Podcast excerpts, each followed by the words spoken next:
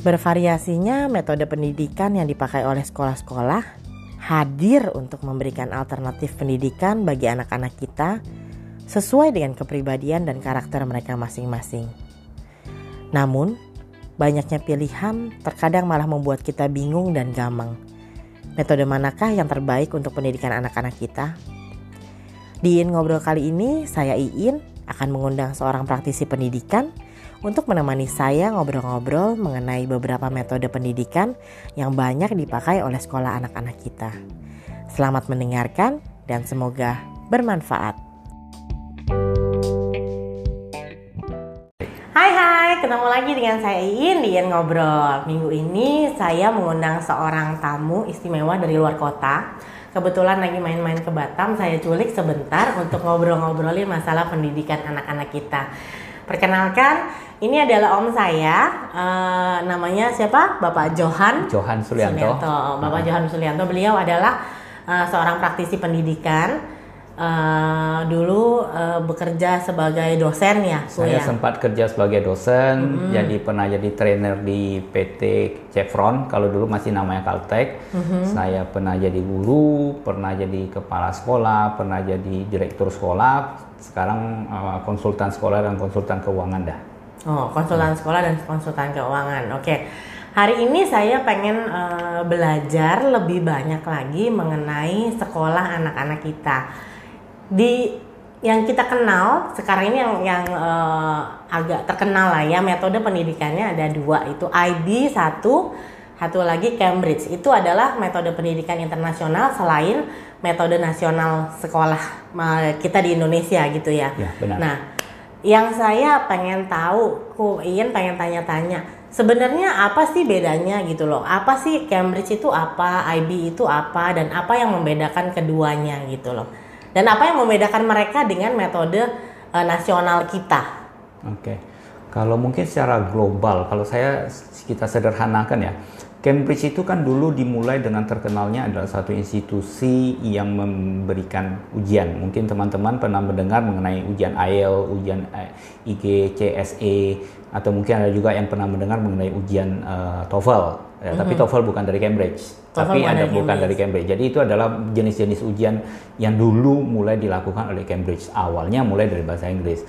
Akan tetapi as time goes by, ini sudah mulai merambah ke materi-materi lainnya materi-materi oh. lainnya jadi juga ada sains ada matematika dan lain sebagainya jadi ketika anak-anak uh, uh, kalau misalnya orang kuliah ingin sekolah di Singapura atau Malaysia mungkin itu ada yang disebut dengan ujian level O level A oh, dan yeah. sebagainya nah itu adalah datanya dari Cambridge jadi hmm. ada ujian-ujian yang diberikan kepada anak-anak yang lulus tingkat pendidikan tertentu kalau mereka berhasil misalnya tamat lulus SMP yang atau setingkat SMP ada ujiannya. Nah, apakah mereka memenuhi kualifikasi tersebut? Nah, itulah yang dikenal dengan ujian level O, level E dan lain sebagainya itu. Hmm. Jadi asal usulnya Cambridge lebih Dari kepada situ. sana. Nah, kemudian as time goes by lagi tentu untuk ujian harus ada materi yang dipelajari dong. Yang dipersiapkan Dipersiapkan lah untuk, untuk ujian tersebut. Aha. Maka mulai timbullah yang bukunya, mulai timbullah kurikulumnya dan lain sebagainya. Jadi kalau disimplifikasi artinya saya tidak mengatakan bahwa itu adalah uh, urutan sejarah yang benarnya, tapi kalau kita simplifikasi kurang lebih seperti begitu. Oh. Cambridge awalnya adalah lebih pada ujian. Oh, Cambridge nah, awalnya lebih dari uh, kepada ujian, lalu dia mulai berkembang berkembang, lah. berkembang, berkembang, sehingga sekarang berbagai sekolah di Indonesia di dunia yang ingin mendapatkan eh, akreditasi internasional, ibaratnya mereka menggunakan ujian Cambridge. Jadi bahwa anaknya itu mempunyai standar yang sama dengan anak-anak yang belajar di sekolah lain di luar negeri, di berbagai negara yang lain. Jadi oh. ujian level A di level A di Indonesia akan sama kurang lebih kualitasnya dengan level A di Singapura, sama kurang lebih dengan level A di di uh, Malaysia. Oh, jadi dengan standarisasi si Cambridge sama. ini mereka bisa kurang uh, lebih sama. Ituin lah, uh, mereka bisa terima lah ya. Betul. Makanya ketika anak yang sudah lulus dari ujian level tersebut bisa diterima untuk melanjutkan pendidikannya di negara yang lain oh. yang menggunakan sistem yang sama. Oke, okay. itu nah, kalau Cambridge. Cambridge. Okay. Nah, kalau IB ini International Baccalaureate, kalau pengertian saya ini lebih kepada uh, suatu sistem pendidikan. Jadi dia bukan ujiannya, tetapi dia akan lebih berbicara kepada proses pendidikan yang terjadi. Proses apa sih yang dilakukan uh, untuk mengajar anak-anak kita? Jadi oke, okay. jadi contohnya kalau kita di Indonesia kan adanya proses yang uh, misalnya anak-anak diajar berhitung, anak-anak diajar membaca sejarah dan lain sebagainya. Kalau IB itu sebenarnya kurang lebih setiap negara, setiap sekolah itu berhak mengajarkan hal-hal tersebut, akan tetapi sistemnya yang diatur. Jadi mereka IB ini yang saya paling ingat itu adalah mereka punya konsep itu adalah inquirer. Okay. Jadi anak-anak itu dilatih dibiasakan untuk inquiry, mencari tahu, bertanya, oh. gitu loh. Jadi kalau saya simple mungkin saya mengatakan contohnya, hmm. uh, saya mengambil contoh. Kalau biasa kita anak sekolah misalnya, sorry saya ambil contoh aja, mungkin sekolah akan mengatakan, nah ini apa, hmm. oke. Okay. Nah kita akan ngajarin anak-anak murid itu mengatakan, oke okay, ini adalah sebuah kursi terbuat dari plastik, gunanya untuk kita dudukin. Oke, okay. okay. itu kan biasa standar yang hmm. diajarin di sekolah-sekolah. Nah kalau idea, teorinya dulu lah ya, dikasih tahu ke dikasih kita. tahu langsung ini ini ini. Oh, nah okay.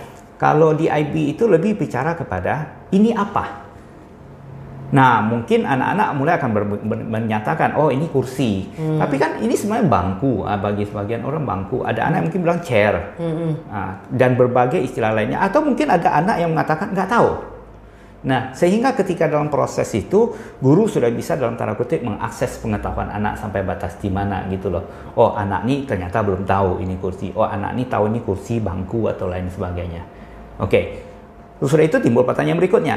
Ini kita anggap ini kursi ya namanya ya. Hmm kursi ini bisa digunakan untuk apa? Mulai lagi anak-anak akan menjawab, oh bisa untuk untuk didudukin. Oh itu tempat papa saya untuk manjat kalau mau perbaiki bola lampu misalnya. Hmm. Atau itu di rumah saya tempat letak barang dan lain sebagainya. Sehingga timbul lagi adalah pengetahuan satu buah kursi ini sebenarnya bisa dipakai untuk apa? Hmm. Oke. Okay. Bisa lagi timbul pertanyaan berikutnya dari gurunya, oke, okay, kalau bang ini kursi yang dipakai untuk duduk, apalagi yang kita bisa pakai untuk duduk? Selain kursi. Selain kursi. Mm-hmm. Nah, mungkin timbul anak-anak akan bilang, oh batu bisa kita pakai untuk duduk. Eh, tikar kita bisa pakai untuk duduk. Lagi-lagi mereka explore. Mm-hmm. Nah, terbuat dari bahan apa? Plastik. Nah, bisa gali lagi. Kursi bisa dibuka dari apa lagi? Oh, dari kayu, ada dari besi, ada dari ini, dari itu. Nah, selain untuk bikin jadi ini, plastik bisa dijadikan apa lagi? Sehingga menjadi sesuatu proses explore. Explore terus pengetahuan anak. Jadi di dalam IB ini pengalaman saya dengan sekolah IB sebelumnya yang pernah saya kunjungin, saya pelajari sistemnya adalah membuat anak-anak menjadi rasa ingin tahu, explore, eksplorasinya menjadi lebih baik. Nah, hmm. sehingga otomatis kalau kita teman-teman bisa lihat ini ini kan menjadi sangat besar ya. Tidak hmm. lagi kalau kita kurikulum kan jelas ini kursi terbuat dari plastik gunanya untuk duduk. Otomatis hmm. kan proses pengajaran menjadi singkat. Ya. Yeah. kan? Karena nggak ada nggak ada nyaltar ke sana sini. Tapi dengan banyak bertanya, dengan banyak inquiry dan sebagainya, satu buah kursi aja bisa makan waktu 40 menit, satu jam belum selesai nih. Untuk membahas satu buah kursi Untuk doang, membahas satu gitu. buah kursi doang gitu loh. Nah otomatis kan ini membutuhkan suatu uh, fasilitator si guru yang cukup bagus untuk bisa mengelola hal itu di dalam kelas.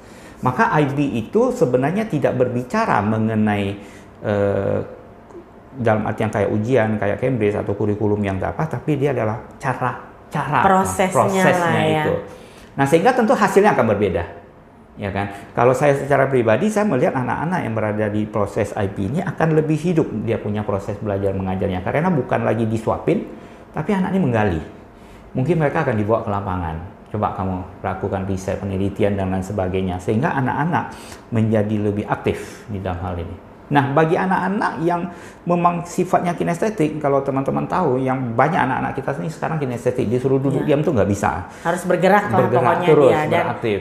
Kalau ingin baca kan kinestetik tuh daya ingatnya dia tuh justru dari gerakan Dari gerakan. Jadi dia, dia dengan memegang, dia akan jauh lebih ingat daripada cuma melihat. Dia akan lebih bagus daripada hanya mendengar. Nah, anak-anak itu akan menjadi lebih efektif. Hmm. Nah, explore. Sehingga hal ini menyebabkan anak-anak yang punya keinginan eksplorasi atau anak-anak itu bisa dilatih untuk punya kemauan eksplorasi yang lebih baik. Nah, inilah perbedaan yang kalau menurut saya disimplifikasi ini perbedaan dua sini, perbedaan yang sangat signifikan. Di berbagai sekolah IB itu sebenarnya tidak ada textbook. Karena hmm. ketika kita berbicara adalah apa yang terjadi di dalam kelas. Guru sudah mengenal muridnya seperti apa, maka dia akan mengeksplor kemampuan anak muridnya dengan lebih baik. Sekarang nggak ada textbook. Mengapa tidak ada textbook? Karena kalau sudah ada textbook kan harus ada aturan yang dikejar.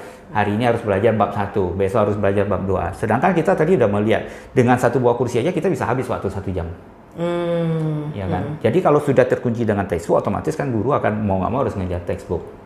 Iya, nah, betul. Akan tetapi kita juga tidak nutupin kalau betul-betul dilepasin satu kursi ini dipelajari satu semester jangan-jangan gitu loh. ya kan? Ah, jadi harus ada balancing yang bagus antara gurunya tahu bagaimana mengarahkan anak-anak itu mencapai suatu tujuan, ya kan? Nah, bagaimana juga supaya anak-anak itu tetap melakukan inquiry yang baik, mencapai juga. Jadi kedua belah pihak itu mencapai tujuan yang baik gitu. Hmm. Nah, jadi mereka tetap ada guidance-nya. Ada ya. guidance secara global, tetapi tidak guidance secara detail. Hmm. Ibaratnya mungkin diceritakan di dalam satu semester ini anak-anak tuh diekspektasi bisa begini hmm Tetapi di dalam prosesnya untuk mencapai bisa mencapai belajar 1 sampai 100 ini ya silakan Anda explore lah cara yang terbaik supaya di akhir semester anak udah ngerti sampai 100. Mm. Ya kan? Karena masing-masing anak punya cara yang berbeda-beda dan dan kemampuan yang berbeda-beda juga ya. Kalau saya dulu sering mengatakan uh, semua anak tuh pintar. Mm-hmm ya kan? Tetapi unik kepintaran mereka. Sama seperti kita mengatakan e, hewan itu, gajah itu begini, monyet itu pandai manjat pohon, ikan itu pandai berenang, semua pintar, tetapi pintar di bidang masing-masing. Nah, dalam anak-anak itu kita kan sebenarnya sama aja. Ada ya. anak yang pintar di bidang ini, anak yang pintar di bidang itu. Nah, tujuan kita di sekolah itu kan sebenarnya explore sehingga apa yang bersinar, apa yang bagus di anak itu bersinar. Ya kan? Oh, anak ini memang seorang anak yang sangat bagus di bahasa. Explore buat dia supaya lebih ahli di bidang bahasa. Oh anak ini lemah sekali di bidang matematika. Mari kita bikin dia minimal lewat batas minimum. Jangan sampai sudah tamat SMA nggak tahu satu tambah satu sama dengan dua gitu loh. Hmm. Nah, ada batas minimum yang dikejar. Tapi eksplorasi ini menyebabkan anak itu akan tumbuh dengan lebih baik. Ya kan? Ibaratnya ujian. Apakah ujian itu harus selalu tertulis? Enggak, kalau menurut saya. Contoh kan ada anak yang memang e, mungkin teman-teman mengetahui adanya anak-anak yang memang mengalami kesulitan menulis Ya. ya kan? Tetapi ketika dia bercerita, dia bisa. Saya ingat sekali saya pernah mengikuti suatu training dari uh, Asosiasi Kepala Sekolah Singapura. Dia berbicara ada yang murid yang ketika dikasih ujian nggak bisa ngerjain sama sekali. Terakhir gurunya nggak apa, suruh dia menggambar, menggambar dan menjelaskan gambarnya. Itu bahan ujiannya. Jadi yang tadinya dia tidak bisa lakukan secara tertulis, dia bisa lakukan secara lisan. Nah sebenarnya kan why not gitu loh. Toh hasilnya yeah. anak juga tahu memang itu Sebenarnya yang kan yang kita mau achieve adalah pemahamannya Benar. dia terhadap suatu materi gitu Benar. ya. Nah, dia mencapai kok, dia achieve. Cuma dia punya kesulitan untuk menyampaikan melalui tulisan. Kan tidak semua orang gampang menyampaikan dengan yeah. tulisan. Nah, kalau kita minta misalnya semua anak harus presentasi, kan ada anak yang memang tidak sanggup melakukan presentasi dengan optimal. Mungkin A, I, U, E, O-nya banyak Gugup, gitu loh. Gugup ya. gitu loh, nervous dia. Nah, hal itu kan makanya mengapa setiap anak tuh unik guru harus menggali. Nah inilah perbedaan kalau saya melihat dua sistem ini. Makanya sekarang di berbagai sekolah mereka mengcombine dua ini. Di dalam Cambridge, eh di dalam IB kan kita mengatakan tadi nggak ada textbook. Mm -hmm. Nah sulit juga ketika kita berada di kurikulum Indonesia yang punya uh, kurikulum yang mengekspektasi anak harus begini-begini ini kalau tidak ada guidance sama sekali nanti kalau anak ini pindah keluar dari sekolah IB bisa-bisa dia kelabakan berada di sekolah nasional biasa gitu loh. Mm -hmm. Nah tetapi kalau dia mengikuti aja ini uh, tidak mengikuti, tidak tercapai pula keinginan kita untuk membuat anak itu menjadi lebih kreatif. Maka sekarang mereka combine, ada sekolah-sekolah yang mengcombine, ada IB sebagai sistem proses belajar mengajar, ada Cambridge sebagai proses untuk targetnya, ujiannya, materi-materi kurikulumnya dan sebagainya. Combine-nya. Maka kalau teman-teman pernah lihat ada sekolah yang punya dua logo langsung IB dan Cambridge. Oh. IB okay. sebagai proses belajar, Cambridge sebagai proses ujian. Hmm, nah, jadi standarisasinya dia capai dari ujiannya si Cambridge itu, Betul. walaupun proses belajar mengajarnya dia mengaplikasikan proses belajar yes. mengajar IB. Benar. Oh. Karena proses mengajar belajar IB ini uh, akreditasinya itu untuk mencapai suatu sekolah IB itu tidak gampang. Saya uh, pernah mengikuti satu buah sekolah punya proses akreditasi IB itu butuh waktu bertahun-tahun. Hmm. Dan saya ingat benar yang saya saya berkesan sekali itu adalah sekolah didatangin dan ditanyakan rencana kerjanya apa. Ya kan ibaratnya oke okay, rencana pengajarannya seperti apa dan sebagainya. Dan dari pihak akreditor ini menanyakan kepada kepala sekolah. Udah dia tanya kepada kepala sekolah, dapat jawabannya. Dia verifikasi, tanya lagi kepada guru, proses belajarnya seperti apa. Udah selesai Biasa akreditasi cuma berada di dua level ini. Sekarang turun lagi, dia tanya kepada orang tua murid, benar nggak ini terjadi? Dia tanya lagi kepada murid, benar nggak ini terjadi? Sehingga betul-betul yang diceritakan di atas itu memang ter-apply sampai ke bawah. Hmm, mereka memastikan lah bahwa Memastikan. program yang yang yang mau mereka deliver itu benar-benar tersampaikan terdeliver dengan baik ya. bukan hanya secara teori kadang-kadang kan kita teori bagus gitu loh. Ya. praktek di lapangannya gimana nah jadi betul-betul dilihat di praktek di lapangan jadi ketika saya mengadakan kunjungan di sekolah itu saya kebetulan sekolah itu di awalnya itu menerapkan dua sistem satu sistem uh, IB satu Hmm. lagi sistem nasional plus biasa Oke. Nah, yang saya terkesan dia kebetulan satu buah gedung sekolah peta gitu loh. Oke. Sebelah kiri adalah sekolah IB, sebelah kanan se- sekolah nasional plus. Sekolah oh. nasionalnya. Oh, dia langsung terpisah Dalam gitu satu ya. gedung terpisah gitu loh, satu hall besar.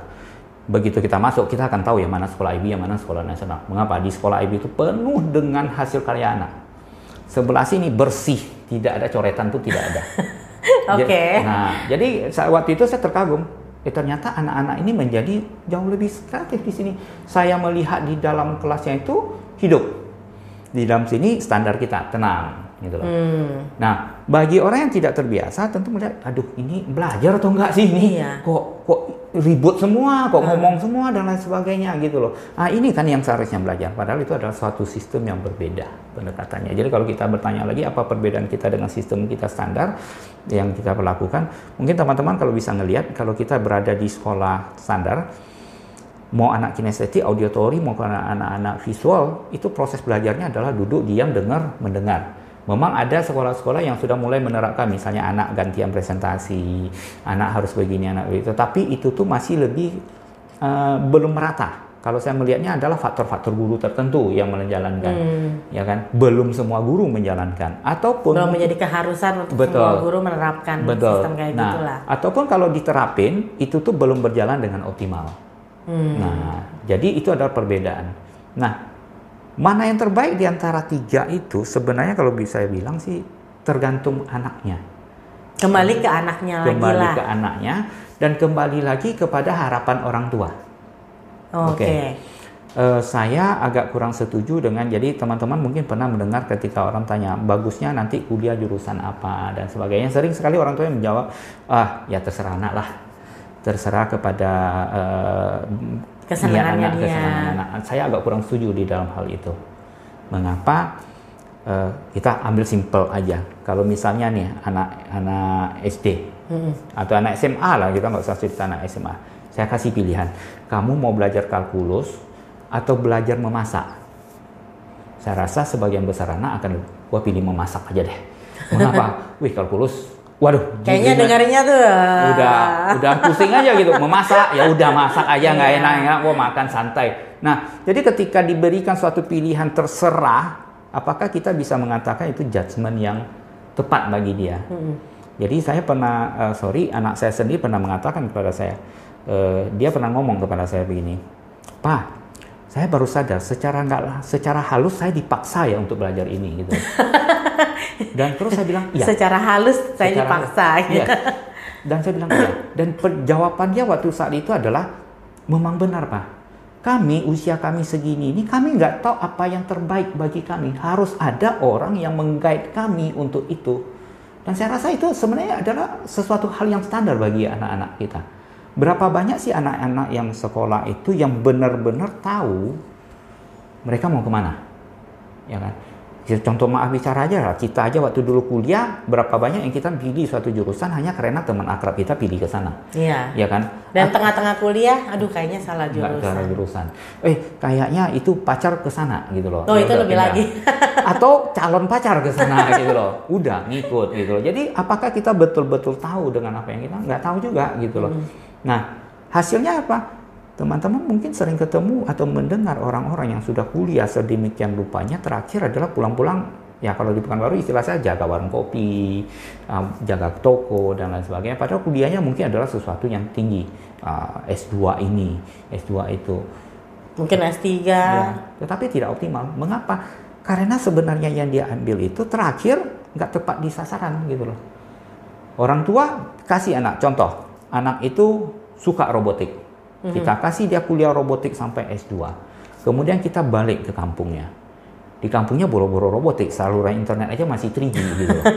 Kemudian dia ngapain tuh robotiknya itu? Artinya kan nggak bisa dipakai. Terakhir disuruh ngapa? Nah, kamu kan dulu kuliah di luar negeri, udahlah kamu jadi guru bahasa Inggris saja gitu loh. Dia anggap karena kamu kuliah di luar negeri pandai bahasa Inggris, kamu bisa jadi guru bahasa Inggris. Padahal kan belum tentu cocok gitu loh. Hmm. Nah, jadi itu yang saya lihat. Maka ketika kita berbicara sistem yang terbaik, terakhir adalah kita berbicara sesuai dengan karakter anak, dan yang keduanya mungkin adalah sesuai dengan rencana harapan orang tua ke depannya. Itu perlu dicari sinkronisasi. Orang tua tidak bisa memaksakan, tapi anak juga tidak memaksakan. Ayo kita bicara sama-sama. Sebenarnya ke depan tuh mau kayak apa? Itu yang saya lihat gitu loh. Jadi perbedaannya tiga itu mudah mungkin sederhananya seperti begitulah. Iya, karena memang secara itu anak-anak juga belum cukup paham ya apa yang akan dihadapin sih di- ke depannya. Karena banyak juga kayak ponakan-ponakan gitu ya. Mereka ngambil satu jurusan yang kayaknya tuh mereka sangat-sangat passionate banget di situ gitu. Tapi setelah itu oke gue nggak mau kerja di situ lagi kayaknya gue udah sick and tired with all the uh, apa namanya tugas-tugas di kampus Betul. dan lain-lain segala macam gitu kan jadi kayaknya mereka ngerasanya udah udah enough enough enough nggak mau lagi. Padahal itu waktu mau masuk itu kayaknya menggebu-gebunya tuh banget gitu. Ya memang harus kita juga kasih ya masukan masukan dan guidance Betul, juga gitu. arahnya tuh gimana Nah. apa yang akan di- dihadapin Benar. waktu lu udah lulus nanti kira-kira akan seperti apa gitu. Dunia yang lu hadapin di luar tuh apa? Saya sering ketemu orang tua yang kadang-kadang mengatakan sama saya, oke, anak saya mau jurusan komputer gitu loh, dan saya rasa dia berbakat di bidang komputer. Mengapa? Uh kerjanya setiap hari main komputer. Sorry, itu bukan berarti dia berbakat loh di bidang komputer gitu loh. Dia pandai main komputer tidak berarti dia ahli komputer, akan punya minat di mana. Jadi kalau saya sering ditanyain teman-teman, anak saya mau masuk ke jurusan desain misalnya. Nah, saya bisa biasanya tanya, portofolionya gimana? Portofolionya gimana maksudnya adalah apakah memang di dalam hidup dia sekarang ini dia sudah mulai suka menggambar? Ya kan? Oh, dia mau desain baju. Dia ada nggak mulai menggambar desain-desain baju? Ada. Ada nggak peningkatan kualitas? Ternyata saya ketemu dengan berbagai orang tua yang bicara anaknya berminat di bidang itu, berbakat di bidang itu. Ketika saya tanya portofolionya ada atau tidak, nggak pernah. Pernah nggak anaknya menggambar-gambar gitu? Enggak. Lantas Dia cuma suka aja. Dia suka, ih kayaknya mendesain baju tuh bagus ya, kayak kerjanya enak ya, kayaknya eh, terkenal ya, kayaknya mau jadi artis kayak kayak kayaknya itu. Tetapi mereka sendiri tidak menjalani proses tersebut. Jadi ketika kita berbicara anak saya berbakat di suatu bidang, ya kita harus bicara dengan portofolio dong. Ada nggak? berarti kita harus guide mereka juga oke kamu suka desain Oke. dan oke let's try Yes, kamu coba kamu jalanin. coba Di saya lesin, saya kursusin, kamu coba gambar, kita lihat. Nah, cocok atau tidak. Jadi balik lagi ke kembali ketika kita berbicara Cambridge dan lain sebagainya, cocok atau tidaknya, balik ke sana. Dan itu kita sebagai orang tua harus proaktif. Bukan hanya sekedar, eh kabarnya sekolah itu bagus loh, IB loh. Anak teman saya sampai di sana tuh menjadi anak yang luar biasa. Belum tentu loh anak kita akan cocok di sana. Ya kan? Jadi setiap anak tuh unik gitu loh. Setiap anak tuh unik. Kalau saya punya prinsip sekolah mana kalau tiga itu sekolah yang terbaik, saya cuma punya prinsip satu. Semua sekolah tuh baik. Kalau tidak baik dia udah tutup betul ya kan? Nggak ada muridnya, logikanya semua Iya. gitu loh. Akan tetapi sekolah yang terbaik bagi anak saya adalah sekolah yang membuat anak saya tumbuh menjadi lebih baik, itu loh. Kalau ternyata anak orang di sana itu pintar, tetapi begitu anak saya masuk ke sekolah itu sengsara hidupnya, itu sekolah itu bukan sekolah terbaik bagi anak saya mungkin terbaik bagi anak, anak, orang teman. lain karena kebetulan cocok dengan Iya. dia. Gaya gurunya cocok, gaya pembelajarannya cocok, bagi dia berkibar. Tetapi bagi anak saya tenggelam. Nah, ketika itu terjadi, kita sebagai orang tua harus berani mengambil suatu risiko. Dalam artian gini, saya sering ketemu dengan orang tua yang anaknya udah masuk ke suatu sekolah. Ternyata anaknya di sana tuh sengsara. Eh, tidak bisa berkembang. Dia sudah merasakan anak saya ini ya sekarang pulang sekolah tuh kok bad mood sekali. Kalau mau pergi sekolah tuh ogah-ogahan. Padahal di sekolah dia yang bagus dulu itu dia aktif dan lain sebagainya. Sekarang kok enggak gitu loh. Nah, saya tanya mungkin kemungkinan besar anak tuh nggak cocok di sana. Coba pertimbangkan anak tuh pindah di sekolah lain. Atau anak tuh mungkin bicara sama mamanya. Mah, saya nggak cocok dengan sekolah ini loh, nggak enak gitu loh. Saya nggak cocok. Mau pindahlah ke sekolah lain. Nah, orang tua kadang-kadang komentarnya ini, kamu aja yang malas gitu loh. Kamu aja nggak mau berusaha. Kamu coba berusaha lagi gitu loh. Bapak sudah mama udah bayar mahal loh untuk masukkan kamu ke sini. Masakan mau keluarkan nih 10 juta nih sudah dibayar di sini, sekarang pindah lagi ke 10 juta ke sekolah yang Iya. lain gitu. Ntar kalau di sana kamu bilang nggak kamu nggak cocok lagi gimana dong, Betul. gitu. Nah, yang terjadi akhirnya apa? Anak itu sudah tidak tepat di sana, dipaksa juga sana. Maka kalau teman-teman sering melihat, pernah membaca, saya ingat sekali berapa puluh tahun yang lalu ketika saya masih ABG, ya lima tahun yang lalu. lima tahun yang lalu saya Oke, masih ABG. lima gitu. tahun yang lalu masih Ya, ABG. Lima tahun lebih dikit lah. Nah, nggak ada yang dengar namanya anak-anak bunuh diri karena stres. Sekarang itu bukan suatu kasus yang aneh lagi ketika kita mendengar anak-anak bunuh diri. Eh, kita mendengar anak-anak membuli dan dibully. Sebenarnya membuli dan dibully itu adalah eh, membuli lah terutama adalah, adalah salah satu ekspresi ketika dia stres tidak tahu mengemukakan apa, dia mengeluarkan dalam bentuk membuli orang lain. Menurut saya itu salah satu. Nah, jadi ketika anak itu sudah tidak optimal di sana, dipaksa di sana, apakah aneh anak itu bunuh diri? Enggak. Buat saya ingat sekali waktu saya masuk dunia pendidikan sekitar berapa tahun? 15 10 tahun yang lalu. Waktu itu saya memprediksi, saya menyatakan ya, tidak lama lagi akan muncul anak-anak yang bunuh diri, anak kecil yang bunuh diri. Dan betul, nggak sampai satu tahun ada anak yang waktu itu bunuh diri. Terus ada teman yang nanya, mengapa kamu bisa mengatakan gitu? Karena simple. Anak kecil, ketika mereka merasakan stres, mereka kan nggak tahu cara mengekspresi. Ada rasa nggak nyaman Mereka- tuh mereka nggak tahu. Iya, gitu. mereka nggak tahu apa itu, dan Itu, gimana cara menyampaikannya. Oke. Yang dia tahu adalah perbuatan mama membuat saya sedih. Perbuatan papa membuat saya sedih. Saya nggak enak nih. Oke. Terus mereka nonton TV. Apa yang terjadi? Eh, kalau ada orang mati, itu papa mamanya sedih loh. Oke. Aku mau mati dong. Biar papa mama sedih. Dan dia tidak punya konsep bahwa karena namanya nonton film, ya kan besok tuh orang yang mati hari ini besok muncul lagi di film yang lain. Iya. Oh, jadi mati itu bisa hidup lagi gitu loh. Karena, karena konsep mereka kan belum dapat. Udah aku mau mati aja. Bunuh diri. Saya pernah diceritain orang tua murid yang keponakannya karena dimarahin orang tuanya dia pergi ke dapur anak TK bawa pisau lancang mamanya. Padahal anak TK aja gitu loh. Karena mereka nggak punya konsep gitu. Nah sama. Ketika mereka sudah over, mereka tidak bisa mengekspresikan dengan diri dengan baik, bisa jadi itu terjadi. Nah, hal sepele kadang-kadang. Kalau kita ngelihatnya, ah nggak mungkin lah, nggak mungkin. Tapi nyatanya kan kita ngelihat nih. Saya terkaget-kaget beberapa tahun yang lalu saya melihat adanya obat stres untuk anak-anak. Gila, obat stres untuk anak-anak. Bawa umur segini aja belum makan obat stres kok. Sudah ada obat stres untuk anak-anak gitu loh. Nah, hal ini menjadi tidak wajar. Jadi balik pendidikan itu kurikulum apa segala perbedaan-perbedaan itu kita akan tetap bercerita kecocokan. Semua sistem itu bagus. Tapi yang terbagus adalah yang membuat anak saya tumbuh berkembang. Kita orang tua harus berani. Saya punya satu orang tua murid yang bicara sama saya. Saya itu orangnya simpel aja pak. Kalau anak saya tidak cocok di sekolah itu, saya pindahin aja. Ya kan? Kalau saya bisa memverifikasi, memang anak saya itu sudah memang tidak benar-benar tidak cocok di sana. Ya mengapa saya menyiksa anak saya atau saya ribut dengan gurunya? Ya udah saya pindahin aja.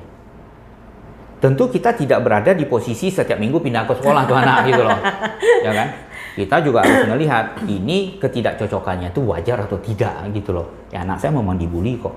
Pulang-pulang kok kayaknya mukanya udah udah bad mood banget gitu loh. Nggak ada kegembiraan mau pergi sekolah tuh kok kayaknya nggak happy banget gitu loh.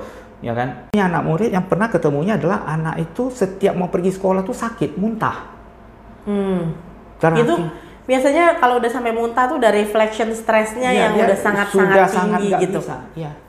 Refleksinya terakhir kita kebetulan waktu itu di sekolah satu ada psikolog berbicara sama dia. Ternyata penyebab stresnya sangat gampang. Setiap hari mamanya kasih dia satu botol eh, satu tumbler Heeh. sebesar gini air. Dia harus habisin. Setiap hari. Padahal dia nggak minumnya segitu. Kemudian dikasih makan nasi full besar. Jatah orang dewasa. Dia harus habisin. Hanya itu aja penyebab stres dia. Jadi dia ketika pulang sekolah, yang diperiksanya itu air lo habis nggak? Makan lo habis nggak? Nggak habis dimarahin. Terakhir dia stres. Hanya simpel aja. Begitu terakhir itu dibicarakan dengan orang tuanya di mana minumannya dikurangin, makanannya dikurang, udah bahagia deh, happy. Sekolah udah nggak ada masalah.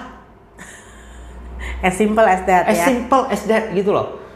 Jadi kadang-kadang, nah kita kadang-kadang orang tua kan nggak terpikir bahwa anak itu bisa stres hanya yang menurut kita, aduh habisin air itu kan gampang kok. Apa sih susahnya? Apa yang gitu? susahnya gitu loh. Kamu di rumah makan banyak kok, apa sih susahnya habisin? Ya sorry, belum tentu. Menurut kita, simple, belum tentu sama. Nah, balik ke sekolah itu cocok. Kita orang tua harus aware terhadap hal tersebut. Ada nggak masalah yang menyebabkan anak kita nggak cocok? Ada nggak menyebabkan anak kita tidak bertumbuh kembang? Bisa jadi di anaknya, bisa jadi di kita, bisa jadi di sekolahnya. Cari solusi dong. Nah, solusi itu baru kita ngambil tindakan. Bukan berusaha berusuh juga gitu. Berarti kita harus benar-benar kenal dan paham gimana cara anak kita belajar, gimana cara maksudnya karakternya dia Yes. dan gimana cara sekolah itu bisa match atau enggak sih sama how dia Grow. polanya dia dan Grow. uh, dan growingnya dia di selama proses belajar Betul. belajar di situ lah ya. Betul. Kenalilah anak kita. Jadi orang tua, eh, saya sering ditanyain sama murid, ah, orang tua murid, ah, teman-teman gitu. Gimana sih sekolah apa sih yang paling bagus gitu loh. Waduh saya selalu bilang kalau begitu ditanya sekolah apa yang paling bagus, saya stres gitu. Karena saya nggak tahu anakmu kayak apa. Nah, saya bilang simple aja. Sebenarnya kamu mau tahu sekolah itu bagus atau tidak. Satu, kamu pergi ke sekolah tersebut. Oke. Kamu lihat wajah anak-anak tuh ke- ke- ketika pulang sekolah. Oke. Ya kan? Happy face atau enggak? Ada nggak begitu pulang sekolah itu kayak anak-anak lepas dari penjara. Ore gitu loh. itu dalam tuh kemungkinan besar stres ya. Atau ketika pulang sekolah anak-anaknya kok nggak mau pulang. Ini udah jam pulang sekolah kok anak-anaknya sepi sekali yang keluar itu. Apakah mereka mereka bukannya lagi belajar tetapi mereka lagi melakukan aktivitas gitu loh. Nah kemungkinan besar mereka enjoy berada di sekolah. Oke. Saya akan kunjungi beberapa sekolah, saya akan seleksi. Misalnya dari 10 sekolah, saya seleksi, oke, kayaknya 5 sekolah ini oke. Saya akan mulai berbicara dengan orang. Oke, saya dengar-dengar dong komunikasi dengan teman, komunikasi dengan orang yang sekolah di sana dan lain sebagainya. Ada nggak yang browsing ini? Om Google kan sekarang pintar. Ya. kan? Kita mulai bisa Google. Oke. Dari lima itu tinggal tiga. Sekarang saya bawa anak saya ke tiga sekolah tersebut. Kasih dia lihat bagaimana feelingnya di sana. Enjoy nggak dia? Nah, setelah itu baru saya minta, oke, lu mau yang mana? Nah, orang tua sering pilih, bilang, lah kalau anakku pilih sekolah yang enggak-enggak, ya kan kamu udah seleksi. Anak kamu kan tidak mungkin pergi sekolah itu sendiri, pasti dengan kamu kan? Ya kamu Iya. seleksi awal dulu lah. Dari 10 itu yang jelek itu ya udah jangan dibawa anak ke sana gitu Udah loh. tahu dia nggak mau sekolah di situ Iya, dibawa sudah juga. tahu kita gitu. nggak setuju dia sekolah sana, kita bawa juga ke situ cari penyakit namanya kan. Yang kita seleksi tentu yang menurut kita sudah dalam batas oke, sesuai lah harapan kita. Sesuai harapan kita, sesuai kantong kita. Iya, benar. gitu. Sesuai dengan jarak kita dari rumah. Itu penting. Kalau anak-anak TK, anak apa? Anak playgroup, itu tuh jarak tuh sangat signifikan. Jangan anak tuh butuh pergi sekolah tuh adalah waktu mungkin 45 menit, satu jam sampai sekolah gitu loh.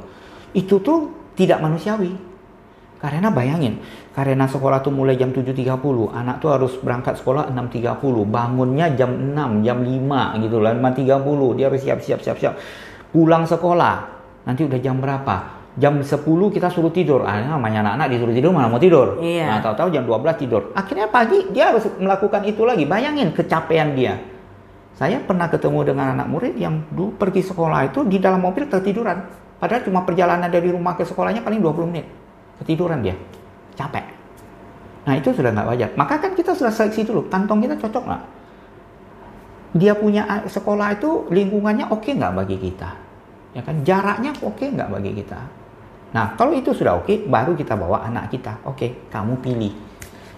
Nah, ketika kita sudah berbicara anak memilih, ketika apalagi kalau anak sudah SMP, sudah SMA, maka kita sudah bisa mengatakan pada suatu saat adalah kamu yang milih loh. Bukan saya yang memilih. Kamu yang yang pilih gitu loh. Nah, itu kan lebih mudah untuk dibicarakan. Hmm. Jadi ini adalah satu proses tidak mudah untuk mengatakan sekolah yang terbaik. Yang sekolah terbaik balik lagi adalah yang cocok bagi anak saya. Kalau anak itu memang cocok, maka dia pasti tumbuh berkembang. Contohnya aja kita bisa dengar ada anak di Irian Jaya yang sekolahnya di atas gunung, toh dia bisa menang Olimpiade juga. Kalau kita cerita Olimpiade seharusnya kan orang-orang yang tinggal di kota, dia Iya. lesnya bagus, Dengan fasilitasnya fasilitasnya lengkap. Nyatanya dan orang di, di kampung kamu juga bisa kok. Jadi mengapa? Karena lingkungan sekolahnya membuat dia berhasil. Mengapa itu penting bagi dia? Nyatanya tidak semua murid di sekolah itu jadi pemenang olimpiade kan? Iya. Masih ada yang tidak. Nah, anak-anak ini dia kadang-kadang pas di sana. Sebenarnya lebih ke itu ya karakter anaknya cocok dengan uh, karakter metode pendidik metode sekolah. Begitu cocok matching jadi. Ya kan? Ibaratnya semua anak itu berlian. Iya. Siapa yang bisa gosok? Hmm, betul. Ya kan? Kalau nggak ada yang gosok, maka berlian itu jadi tetap jadi arang. Nggak ada yang berhasil gosok dia keluar. Tetapi ketika bisa digosok, maka jadi dia. Teman-teman pasti ada mendengar orang-orang yang ketika pindah tempat, pindah apa, ya nggak usah jauh-jauh lah.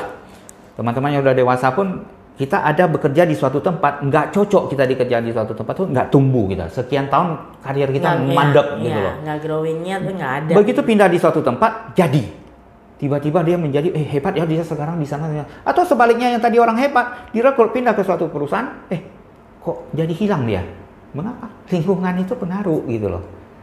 Nah jadi kalau kita yang dewasa gitu aja sudah begitu, apalagi anak-anak. Iya.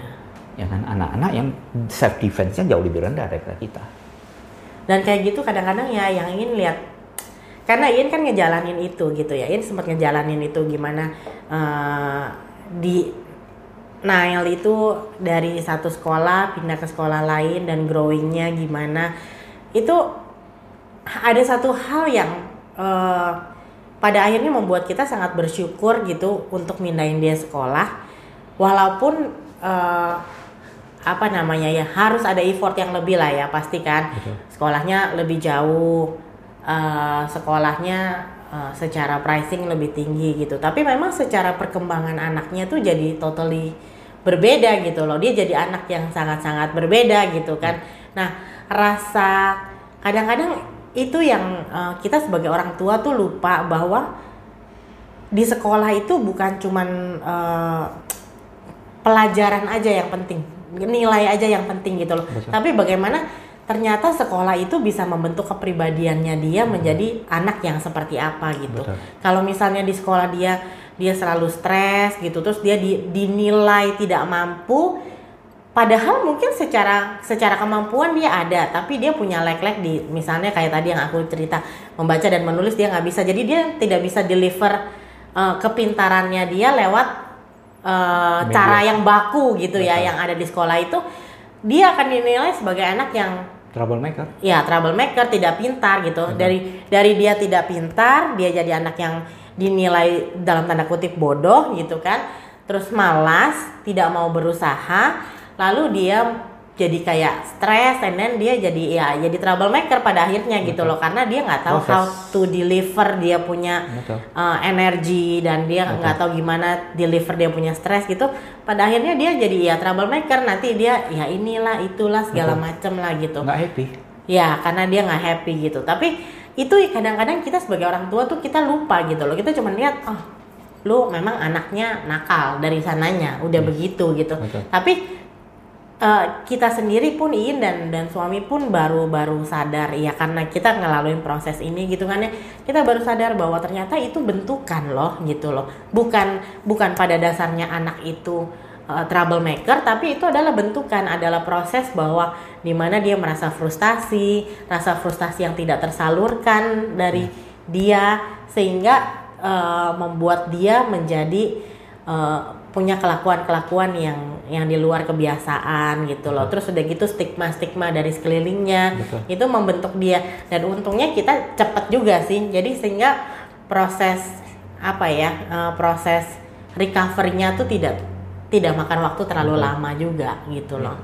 Itu yang kayaknya banyak dari kita sebagai orang tua tuh yang nggak aware ke sana sebenarnya. Karena kita tidak pernah belajar jadi orang tua. iya. Nggak ada sekolah orang tua. betul Ya kan kita menjadi orang tua tuh lebih kepada otodidak. Kita belajar dari orang tua kita, kita belajar dari saudara kita, kita belajar dari teman kita dan belum tentu mereka tahu. Dan sorry, anggap mereka pun, pun pintar. Kan anaknya beda dengan anak saya. Iya. Ya kan? jadi beda anak beda, beda anak treatment beda treatment ada anak ya tadi seperti saya tadi sempat cerita ada anak yang harus ditarik ada anak yang perlu didorong Nah, kalau tidak cepat apa? Nah, ketika kita mulai berbicara bahwa uh, anak itu di stigma sebagainya, saya punya yang istilah saya adalah self fulfilling prophecy. Ketika kita bilang anak itu bodoh berulang-ulang, maka dia percaya dia bodoh. Yes. Dia akan percaya, oh ya memang saya bodoh kok. Nah, begitu dia uh, bicara ah, anak saya itu pendiam kok, anak saya itu pendiam, anak itu saya pendiam. Kemudian kita bilang, yuk nak bicara nak. Loh kan saya dibilang pendiam, kenapa saya mau harus bicara? Maka akan dia akan membuktikan bahwa yang kamu bilang itu benar ya udah saya nggak dan itu menjadi suatu justifikasi bagi dia. Ya saya memang bodoh kok.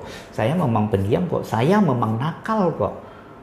Ya saya memang begini orangnya. Padahal segalanya itu balik lagi kalau kita bicara itu berlian.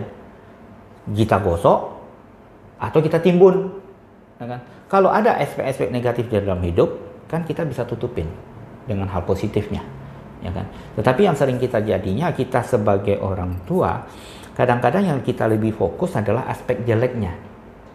Contoh, anak kita suami istri, si istri mungkin di rumah jaga anak, gitu loh. Anak bandel, anak melakukan kenakalan dan lain sebagainya. Waktu pulang e, sama si si bapaknya pulang, kita punya dua anak. Yang kita ceritakan pertama pasti anak yang bandel. Anak kedua yang baik-baik, alim, suka apa segala, kita nggak cerita loh lebih seringnya kita cerita, Pak, lu lihat tuh si Koko nih, bandelnya, aduh tadi pecahin kaca, mukulin adiknya segala tete bengek. Tetapi yang si adik yang baik misalnya membantu kita di dapur, eh membantu kita beresin meja makan dan sebagainya, kemungkinan besar kita nggak cerita. Jadi kita orang tua lebih fokus kepada hal negatifnya ini. Nah balik lagi ketika hal negatif itu terus terus menerus menjadikan fokus ya dia jadi itu menjadi karakter kan karakter itu datang dari sesuatu habit yang dilakukan berulang-ulang. Hmm. berulang-ulang dibilang ini diulang-ulang ini bilang itu. Maka terjadi. Jadi hal itu yang sering saya temui dengan orang tua. Secara sadar atau tidak sadar kita melakukan hal tersebut. Contoh. Uh, anak saya tidak suka mencoba hal baru misalnya. Nah sekarang saya kadang-kadang tanya sama orang tua. Kamu sendiri gimana kamu suka nggak mencoba hal baru? Kalau kamu sendiri tidak suka hal baru, misalnya nih, simpel mencoba hal baru apa? Kita pergi makan, malam pergi makan. Kemudian uh, mungkin si anak bilang, eh mah itu ada restoran baru, kita coba yuk. Kadang-kadang kita sebagai orang tua, ah nggak mau lah, entah enak atau nggak enak, udahlah tempat yang biasa aja, tempat itu sudah pasti enak, kita udah sering makan di sana tentu akan tertanam di, di pikiran si anak itu adalah mencoba hal baru itu belum tentu positif. Bisa jadi dia akan ya dalam hidup dia pun mungkin dia tidak mau mencoba hal baru. Mengapa? Orang tua kita sebagai orang tua sendiri sudah mendidik. Habitnya udah yang pasti-pasti aja deh. Yes, yang pasti-pasti aja udah benar. Ngapain lagi saya coba yang baru? Oh, anak saya penakut loh. Saya tanya lagi, kamu pernah nggak bicara yang hal-hal yang menakutkan. Contoh, mah yuk kita pergi ke seberang belanja. Ah nggak mau lah udah malam hari nanti ada orang jahat segala. Kita tidak bilang sama anak menakut-nakutin anak, tetapi secara tidak langsung kita sudah menanamkan ada hal yang menakutkan sehingga anak tertanam lagi. Jadi hal-hal yang kita e habitual anak itu sebenarnya adalah bagaimana kita bentuk. Saya pernah ketemu dengan anak yang orang tua yang komplain, anak saya itu sangat tidak mandiri. Ketika saya gali-gali, yang bagaimana mau mandiri, dia mau pakai sepatu, ada pembantu yang bantu pakaiin, mau makan ada yang pembantu yang bantu suapin, terus dibilang anak saya nggak mandiri. Lah gimana dia mau mandiri gitu loh? Karena dia tidak pernah dilatih untuk mandiri. Terakhir dia nggak mandiri, nggak aneh sama sekali. Saya kan cuma bantu supaya dia cepat pergi sekolah, supaya cepat, supaya cepat, supaya cepat. Itu supaya cepat itu menjadi tidak mandiri. Kan proses belajar. Iya. Nah, yang benarnya kita apa? Kita tahu dia proses memakai sepatu itu membutuhkan waktu 15 menit, minta dia mempersiapkan diri 15 menit lebih awal. Bukan sudah jelas-jelas mau pergi jam sekolah, tinggal 5 menit lagi sudah mau masuk sekolah, baru kita suruh dia pakai sepatu. Padahal kita udah tahu ini 15 menit proses pakai sepatunya. Ya suruh dong tarik 15 menit ke depan gitu loh. Nah hal itu, kalau saya sangat percaya kepada habitual. Manusia itu adalah manusia habit. Ketika sudah terbiasa dilakukan, maka menjadi mudah. Tetapi ketika tidak terbiasa, semuanya susah. Terbiasa itu baik secara sadar ataupun tidak sadar. Nah, seringnya yang tidak sadar itu yang jauh lebih bahaya. Dan jauh lebih banyak dilakukan ya. Yes. Secara indirect aja. Secara direct kita mungkin tidak uh, tidak melakukannya Karena kita sadar nih, tapi secara nggak sadar terngomongin, terlakukan. Hmm. Anak sekarang saya percaya sekali anak sekarang itu bukan tipe anak yang bisa sekedar di ngomongin. Enggak. Anak sekarang ini adalah anak visual, melihat. Karena zaman sekarang ini zaman visual. Jangan. Iya. Lebih suka nonton YouTube yes. daripada dengerin mami. Yes. visual. Karena kita kalau sekedar ngomongin itu nggak lewat. God, uh, gangguan itu terlalu banyak. Jadi visual tertanam. Dia melihat kita dengan ibaratnya nih perokok yang melarang orang merokok sambil merokok, maka tidak ada yang dengar. Hmm, ya iya. kan? Lu ngelarang gua ngerokok sambil ngerokok, ya benar aja lo. Nah, itu model simpelnya gitu loh. Anak kita sama. Sama sekali tidak ada beda antara anak kita dengan kita. Bedanya ibaratnya cuma cara penerimaannya berbeda. Oke.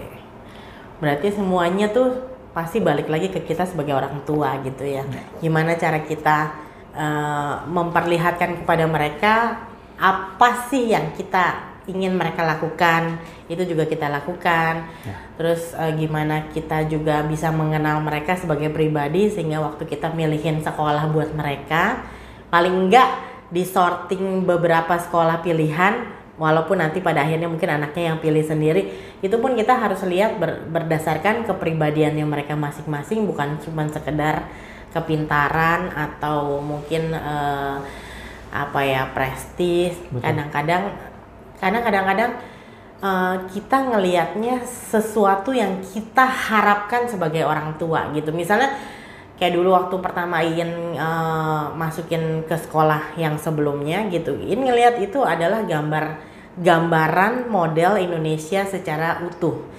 diversity.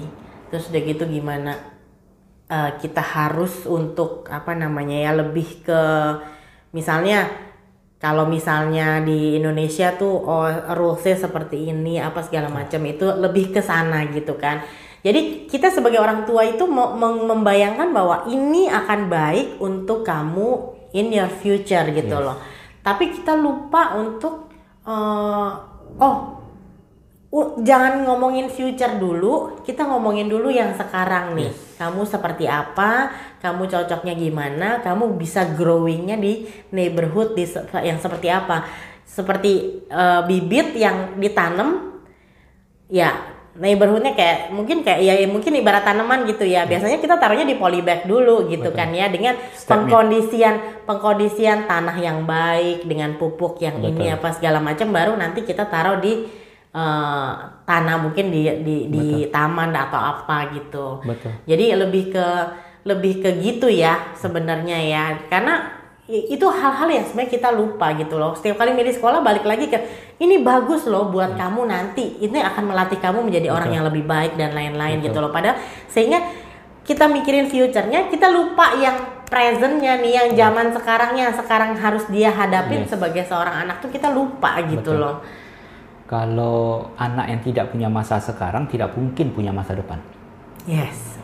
Ya kan kita harus bicaranya masa sekarangnya seperti apa dulu dong. Nah, mungkin saya seperti yang tadi dibilangkan juga contoh itu penting. Jangan lupa ketika kita memilih sekolah itu lihat juga perilaku gurunya.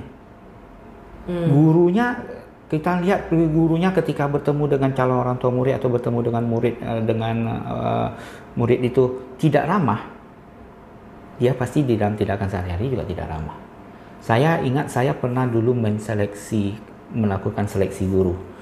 Yang saya lakukan, jadi ada form yang harus mereka isi. Setiap guru tuh ada kertas yang saya tulis nama mereka. Saya kasih double tap.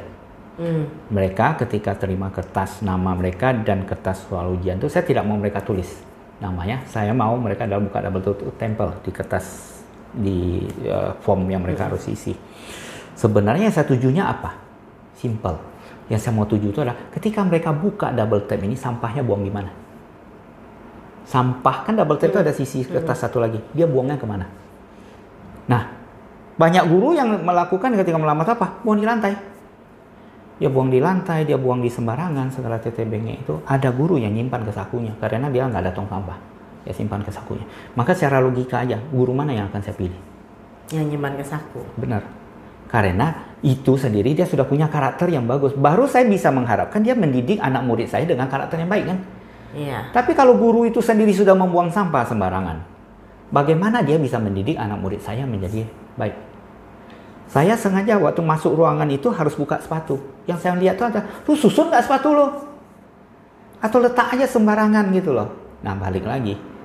Jadi hal sepele perilaku guru itu akan turun ke anak kita karena waktu uh, guru dengan anak kita tuh cukup intens. Ya, dan apalagi sekarang ya, Ya. sekolah dari pagi sampai Betul. sore gitu. Betul. Nah kalau gurunya sendiri tidak punya karakter yang baik, tidak disiplin, waktu interview datang telat, buka sepatu letak sembarangan, buang sampah sembarangan dan lain sebagainya, ya sorry, nggak mungkin kamu bisa mendidik anak dengan baik. Nah maka ketika kita jadi orang tua kan kita tidak tahu proses interviewnya seperti apa. Maka yang kita lihat adalah hidup dia sehari-hari dong. Ketika dia bertemu dengan kita sebagai orang tua, dia sapa kita nggak? Logikanya sebagai dia tuan rumah dia akan sapa kita dulu dong. Pagi bu, pagi pak, ada yang bisa saya bantu? Atau malah kita nyapa lagi gitu loh. Kita nyapa dulu, bu, maaf pagi bu, saya mau cari bagian uh, pendaftarannya di mana? Nggak tahu saya bu. Sorry saya lagi sibuk. Nah tentu kita tahu karakter gurunya seperti gitu. Sorry, nggak mungkin dia akan bisa membentuk karakter yang baik di lingkungan sekolah tersebut. Hal sepele. Kembali lagi, hal-hal sepele itu kita sebagai orang tua yang harus periksa.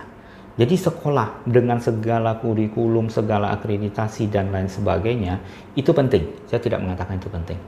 Tapi jangan lupa bicara adalah kecocokan kita dengan itu. Kita di rumah sudah susah mendidik anak menjadi anak yang disiplin sampai di sekolah dia tidak disiplin. Sorry, dia pasti akan ikut sekolah karena nanti yang tidak menyenangkan itu, yang tidak baik itu jauh lebih gampang dikerjain Iya. ya kan jadi jangan aneh saya mendidik anak saya dengan disiplin baik segala macam kok sampai nakal di sekolah tuh tawuran dia gitu loh nah, karena lingkungan faktor itu kita perhatikan jadi tiba-tiba jadi stres ya Berarti PR-nya orang tua tuh banyak banget ya. Dan kita memang jadi orang tua juga kita sering bilang bahwa anak sekarang adalah anak instan gitu Iya. kan. Kadang-kadang kita nggak sadar bahwa kita yang jadi orang tua Iya. juga kita adalah orang tua instan. Kita maunya cepat, cepat, cepat. cepat. Sekali Iya. mami kasih tahu sudah cukup ya, udah harus bisa. Sekali gini Pak, kita lupa bahwa ada proses dari dari dia eh, mulai belajar untuk untuk eh, apa namanya mendengarkan kita sampai dia benar-benar bisa mengaplikasikan apa yang kita sampaikan ke dia itu butuh proses. Butuh Dan proses. kita pun dulu sebenarnya berproses, cuman kita udah lupa aja gitu. Yes. Nah sementara sekarang kita ngarepin anak kita, oke mami kasih tahu tiga kali ya, top ya. Udah habis itu kamu udah harus tahu sendiri gitu. Ya. Itu kadang-kadang ya kita sendiri pun hilaf lah gitu jadi orang tua untuk untuk bisa inget-inget yang kayak gitu sih. kalau saya bilang sih sebenarnya anak sekarang nih saya lebih kurang setuju dengan anak instan saya lebih setuju mengatakan anak sekarang tuh anak negosiasi Oh ya, negosiator ulung ya. Yes, kita tidak bisa lagi memerintahkan.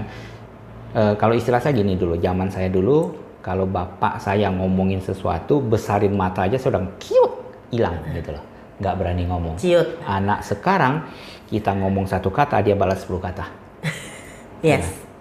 Nah, ketika kita ingin meminta dia melakukan sesuatu atau melarang dia sesuatu, nanyanya gampang. Mengapa? Kok nggak boleh, mah? Kok nggak boleh? Kok harus begitu? Kok harus begitu? Maka saya mengatakan anak negosiasi, ya kan? Kita bernegosiasi dengan dia, kita menjelasin. Jadi tidak bisa lagi me- mengatakan cuma kamu tidak boleh karena kata mami. Nah udah nggak bakal mempan. Dia mungkin ngikutin, tetapi dia tidak dapat belakangnya. Mengapa? Sehingga dia ngikutinnya pada saat itu aja dan Yes. besok dia ulang lagi. ulang lagi gitu. karena dia tidak tahu mengapa. Perhatikan ada beberapa anak kalau di beberapa sekolah. Jadi saya melihat gini, ber- pengalaman saya di berbagai sekolah itu menunjukkan banyak sekali anak-anak yang melakukan kenakalan yang sama secara berulang-ulang. Padahal gurunya udah kasih tahu nggak boleh segalanya tete bengek. Terus saya perhatikan, itu sering sekali terjadi kepada anak-anak yang eh, dimarahin atau dilarang tanpa alasan, tanpa dikasih tahu mengapa tidak boleh. Kamu tidak boleh pukul teman. That's it. Tapi tidak ada penjelasan di belakangnya. Kalau dipukul teman itu kan teman itu sakit, bisa luka, bisa begini, bisa begitu. Jadi mereka cuma tahu saya tidak boleh memukul, tapi mengapa? Nggak ada kasih tahu. Ya kan? Atau sebaliknya kita melakukan gini, kita punya anak, kita hukum, kita pukul dia misalnya. kamu nakal, pak pukul. Ya kan? Mami lagi kerja, lagi ini kamu ganggu. Nakal kamu, pak pukul. Kemudian kita bingung. Anak saya kok suka pukul adiknya? Simple. Kan adik, dia lagi main, dia lagi apa, adiknya ganggu dia. Kan saya belajar dari mami. Apa kata mami dulu? Mami lagi melakukan suatu kegiatan, kalau kamu ganggu, kamu nakal, kamu dipukul. Saya lagi melakukan suatu kegiatan, adik ganggu, adik nakal, adik kupukul dong, ya kan? Ya. Nah, jadi ketika kita menjalankan itu adalah sesuatu yang tidak cukup penjelasannya di belakang, ya kan? Kita mengambil tindakannya, nah maka menjadi anak anak sekarang ini adalah anak negosiasi, harus ada penjelasan yang baik, tidak bisa lagi anak yang disiplin militer, pokoknya lu dengar aja deh kata gua. gua yang paling tahu. Pakainya pokoknya nggak ada bunganya ya. Ada, pokoknya aja. Saya mami loh. Saya yang lahirin kamu. Mami lebih tahu, papi lebih tahu. Kamu tahu apa? Kamu masih kecil, kamu nggak tahu apa-apa. Kamu harus dengar gitu loh. Dengarnya cuma batas dengar, tapi masuk nggak ke dalam, nggak masuk. Hmm. Maka istilah saya itu adalah bagaimana membuat anak kita itu mengerti mengapa sesuatu tindakan itu tidak boleh bukan hanya sampai batas tindakan itu nggak boleh, tapi mengapanya itu loh. Ketemu nggak? Pasti kamu pernah ketemu dengan anak-anak yang pertanyaannya banyak sekali. Mengapa mi? Kok nggak boleh?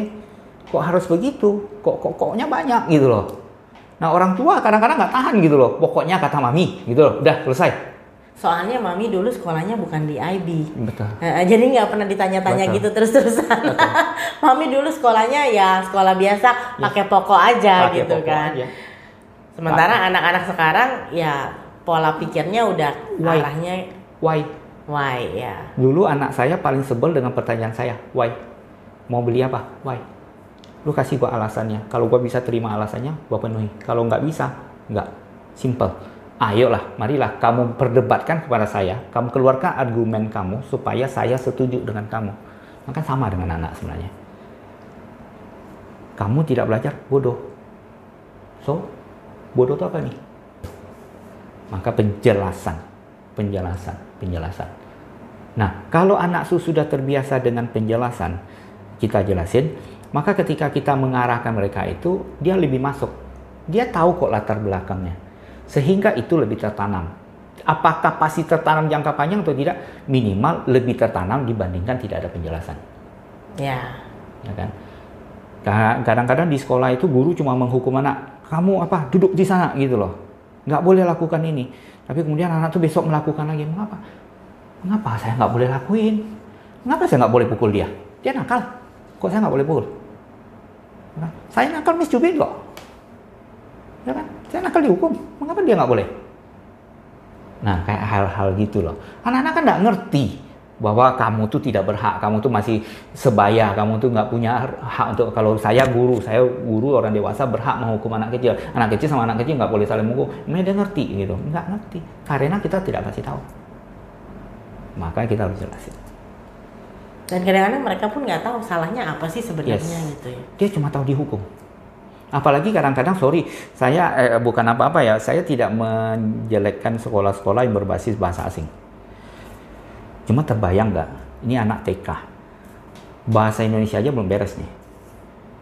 Kamu marahin dia dalam bahasa Inggris. You cannot do this because bla bla bla bla bla bla. Oh iya miss, ya masuk nggak dia ke sini gitu loh? Dia nggak masuk gitu loh. Nah dia cuma tahu saya disuruh duduk di sana, oke. Okay. Tetapi alasan dihukumnya dia nggak tahu. Dia cuma tahu memus lagi tapi dia nggak ngerti. Nah sebenarnya kan adalah kita ke sekolah kan kadang-kadang, wih hebat ya sekolahnya ya semuanya bahasa Inggris, satpam pun bahasa Inggris semua gitu loh. ya kan? Benar, kesannya bagus. Tetapi ketika kita berbicara kepada anak-anak, ibaratnya dia belum bisa merangkak aja kita udah suruh berlari. Dia bahasa Indonesia-nya aja belum lancar. Dia yang di rumahnya cuma bisa bahasa Indonesia, sampai di sekolah disuruh bahasa Inggris, kemudian sampai ke rumah bahasa Indonesia lagi, dia nangkap nggak? Nggak matching gitu loh dia tidak ngerti apa yang di ngomongin. Dia mungkin kita arahkan one plus one is equal to two. Dia tahu one plus one equal to two. Pokoknya kalau satu ada tanda tambah dengan satu ini, ini yang keluarnya angka dua. Tapi dia ngerti nggak dua ini apa maksudnya gitu loh. Nah itu loh konsep. Maka bahasa itu eh, kadang-kadang kayak saya bertemu dengan berbagai anak-anak yang dari sekolah-sekolah yang berbasis bahasa asing itu kadang-kadang itu saya ketemu. Hmm. Makanya Jadi pemahaman mereka terhadap uh, materi itu agak nggak- kurang iya, lah, nggak nggak nangkep. nggak nangkep gitu loh. Bagus nggak dari dini? Banyak sekali uh, uh, penyataan yang mengatakan anak-anak itu kan golden age dari dini itu harus bisa berbahasa Inggris dan sebagainya. Benar, saya tidak membantah hal tersebut. Tapi jangan lupa kalau dia berada di lingkungan yang semua orang berbahasa Indonesia, dia cuma berbahasa Inggris di sekolah, maka itu nggak matching, Hmm. nggak matching. Kalau kecuali dia Ada bahasa Inggris, ada gap ya. ada gap gitu loh. Nah, makanya yang benarnya adalah kalau memang anak itu mau sekolah bahasa Inggris di sekolah, tolonglah orang tua pandai juga bahasa Inggris sedikit gitu loh. Orang tuanya terpaksa pergi les Betul, lagi. orang tua juga harus pandai. Kalau tidak, maka di sekolahnya juga tolong ada bahasa Indonesianya. Paling nggak untuk hal-hal yang penting Betul. supaya memastikan bahwa mereka dia itu ngerti, paham ya. benar, dia paham gitu loh, bukan hanya sekedar hafal. Seperti saya pengalaman dengan anak saya sendiri dulu ketika dia belajar matematika di SD, gurunya tidak soal bacaan, gurunya cuma mengatakan kalau kamu ketemu kata ini tandanya ditambah, kalau kamu ketemu kata ini tandanya dikurang. Itu kan dia tidak paham sebenarnya. Dia cuma cari kata kunci. Nah, bayangin kalau dalam hidupnya bertemu dengan kata kunci yang berbeda. Nggak ngerti dong Iya. soal yang berbeda dibikin oleh guru yang berbeda karena ini gurunya yang menjelaskan tentu dia sudah selalu pakai kata-kata kunci tersebut. Iya. Nah kalau guru yang lain yang tidak pakai kata kunci itu gimana? Gelepek dia tuh anak. Maka baliknya lagi adalah pemahaman sama ketika kita berkomunikasi dengan anak, sama ketika anak itu berada di sekolah, semuanya adalah bagi saya yang penting itu paham, bukan hafal. Kalau hafal itu gampang. Tapi di dalam berbagai sistem pendidikan, kalau kita berbicara dengan sistem pendidikan itu banyak yang cuma mementingkan menghafal. Iya. Ingat. Maka saya sering-sering bilang di Indonesia ini untuk menjadi berhasil di sekolah itu sebenarnya cuma dua kunci. Pandai matematika, pandai Sama menghafal. hafal. Udah selesai. Iya. Pelajaran apa pun kamu lewat. Mengenai mengerti atau tidak. Pokoknya kalau kedua. orang daya ingatnya lemah, Udah nggak selesai. bisa lah. Nggak Udah. bisa. Selesai urusan di sekolah selesai ya. urusan di sekolah. Ya kan?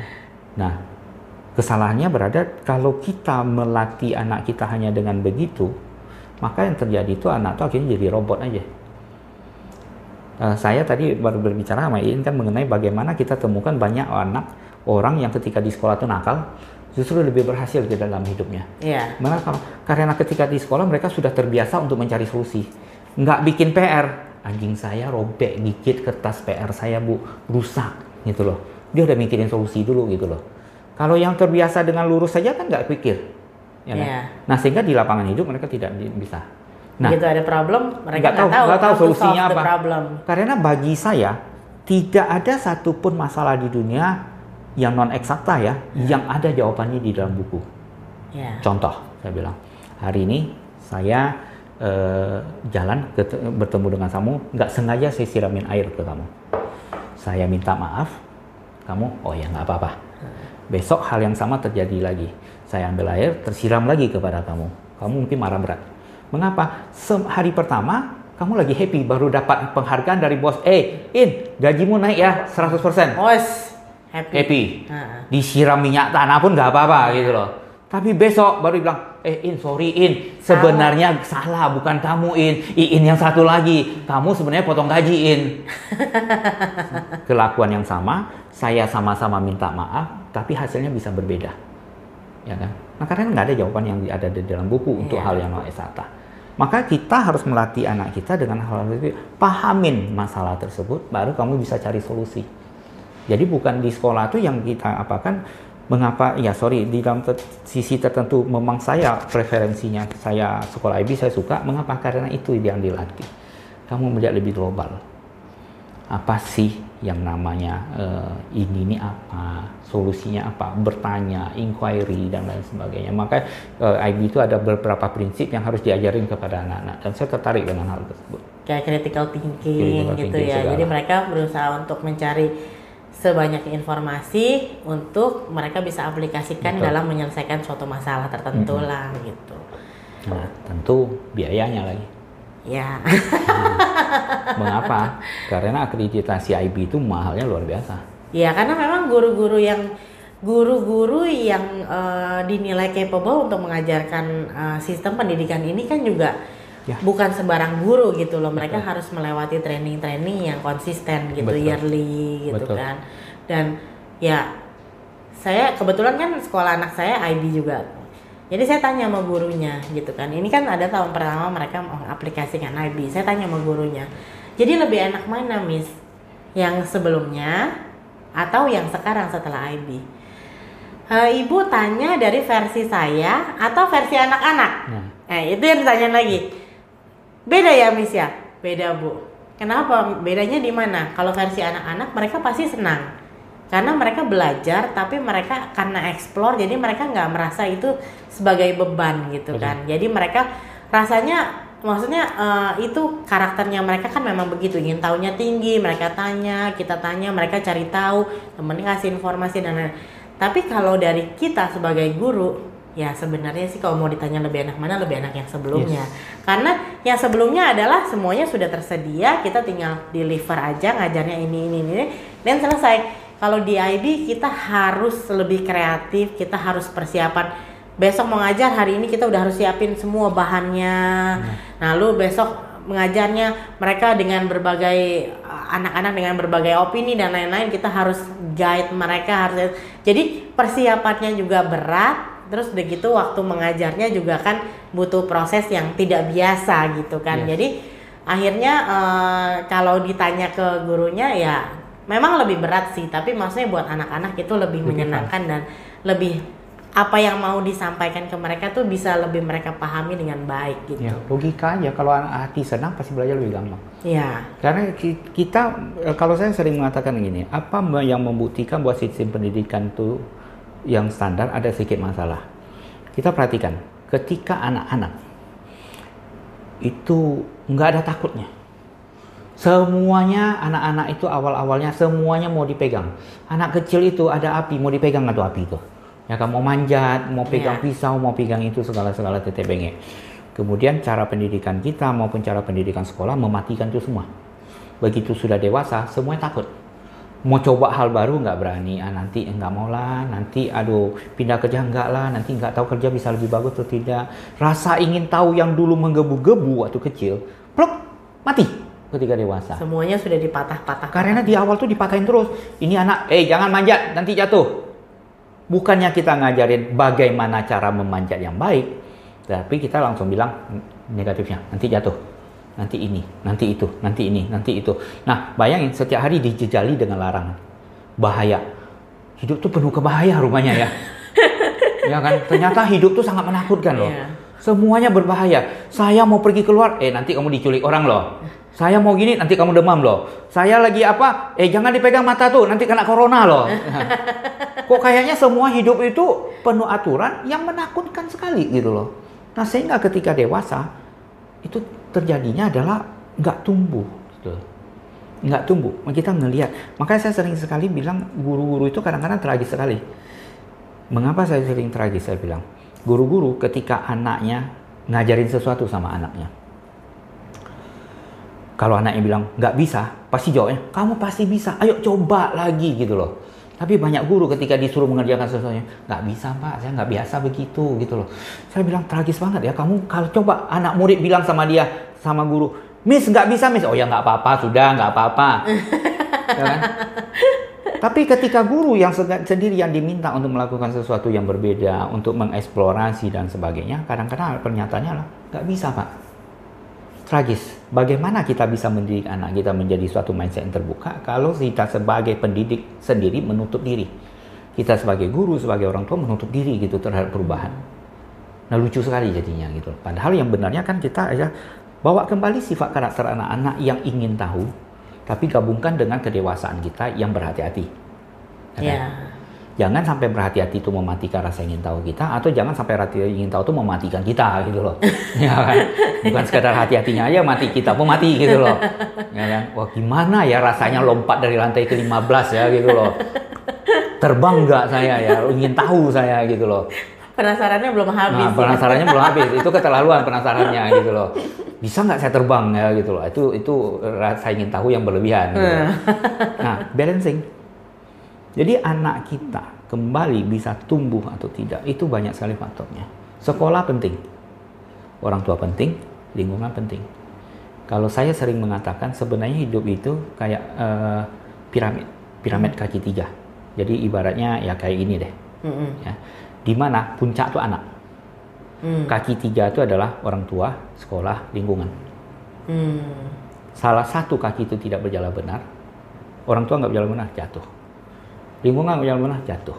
Ah, sekolah nggak jalan benar, jatuh. Tiga ini harus kerjasama. Hmm. Baru piramid itu bisa berdiri dengan limas itu bisa jalan dengan baik. Maka kita selalu berbicara dengan sekolah anak itu segala. Jangan hanya terpaku kepada ih sekolah ini pakai IB ya, sekolah ini pakai Cambridge ya, sekolah ini cuma nasional plus ya, sekolah ini cuma nasional ya. Bukan itu aja yang perlu kita perhatikan. Nama, istilah apa segala itu ada nggak yang lebih baik? Oh mungkin bagi sebagian besar orang itu baik. Tapi cocok nggak dengan saya? Cocok nggak dengan anak saya? Kalau tidak cocok ya nggak benar. Nah berani nggak saya mengambil tindakan ketika ternyata tidak cocok?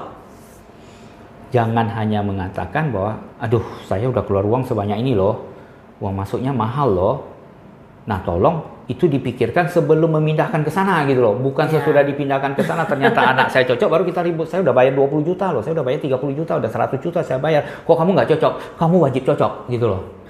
kamu aja yang malas, kamu aja yang bodoh, kamu aja yang begini, kamu aja yang begitu. Ya kan? Nggak bisa. Jadi sebelum itu sudah kita cocokin dulu gitu. Cocok nggak sekolah anak ini dengan saya? Ya, ya, sekolah ini dengan anak saya. Kalau cocok, oke. Okay. Ya kan? Hmm. Nah, jadi Memang proses. Itulah. itulah ya yang paling penting adalah seberapa besar tingkat kecocokan anak kita dengan metode sekolah tertentu lah. Ya, ya kalau memang secara kemampuan finansial kita nggak bisa, ya kita cuma berarti bisa backup di sekolah di rumah. Maksudnya kita mengencourage anak-anak aja. Yes. Oke, mami tahu lu nggak bisa gini, gini, gini, gini. Gimana kita bisa solve the problem solve gitu. The problem. Tapi kalau memang kita punya rezeki yang lebih ya why not gitu loh. Betul. Maksudnya semua orang tua kan pasti menginginkan anaknya grow well gitu yes. ya. Benar-benar bisa maksimal jadi jadi pribadi yang terbaik yang dia the best version of them gitu yes. kan. Nah, itu ya why not gitu kita spend a little bit more. Yeah ya tapi benar kita mesti benar-benar cari yang cocok bukan sekedar oh ya karena dia sekolahnya mahal pasti bagus ya nggak tentu juga. Karena kalau misalnya nggak cocok sama anak-anak kita ya nggak bisa juga dia jadi the best version of them di situ gitu kan ya. Oke lah kayaknya kita ngobrolnya udah lumayan panjang. Kita ngobrolnya udah lumayan seru dan mudah-mudahan teman-teman juga lebih paham kira-kira oke okay, di situ seperti apa basicnya ID itu seperti apa. Lalu uh, bisa mengcompare dua-duanya dengan dan bisa memasukin gitu ya anak-anaknya tuh kira-kira karakternya seperti apa sih Nah, memang kalau IB itu kan lebih ke anak-anak kinestetik gitu ya. Ke semua anak bisa. Ke semua anak bisa. Oh, Oke. Okay. Dan terutama anak-anak sekarang yang curiosity-nya tuh dan cara mereka berpikir yes. tuh terus-terus menerus uh, bertanya-tanya yes. apa, mengapa, kenapa dan lain-lain gitu ya. Yeah. Ya, itu rekomendasi dari saya. Terus terang karena saya anak saya masuk IB ya saya juga merekomendasikan IB buat anak-anak yeah. gitu kan ya. Tapi ya bukan berarti itu adalah uh, yang terbaik buat semuanya karena ya balik lagi semua balik ke anak masing-masing dengan karakter masing-masing di mana mereka merasa nyaman dan mereka bisa tumbuh maksimal. Di situlah kita harus orang tua uh, apa namanya bisa bisa support mereka di tempat-tempat atau di sekolah-sekolah yang seperti itu. Sip, benar. Sip. Terima kasih banyak ya Kua buat waktunya sama -sama. ya. Mudah-mudahan selalu sehat dan buat teman-teman mudah-mudahan uh, lebih terbuka lagi. Mudah-mudahan dapat banyak pengetahuan dari sini dan sampai ketemu di Yen Ngobrol minggu depan. Bye.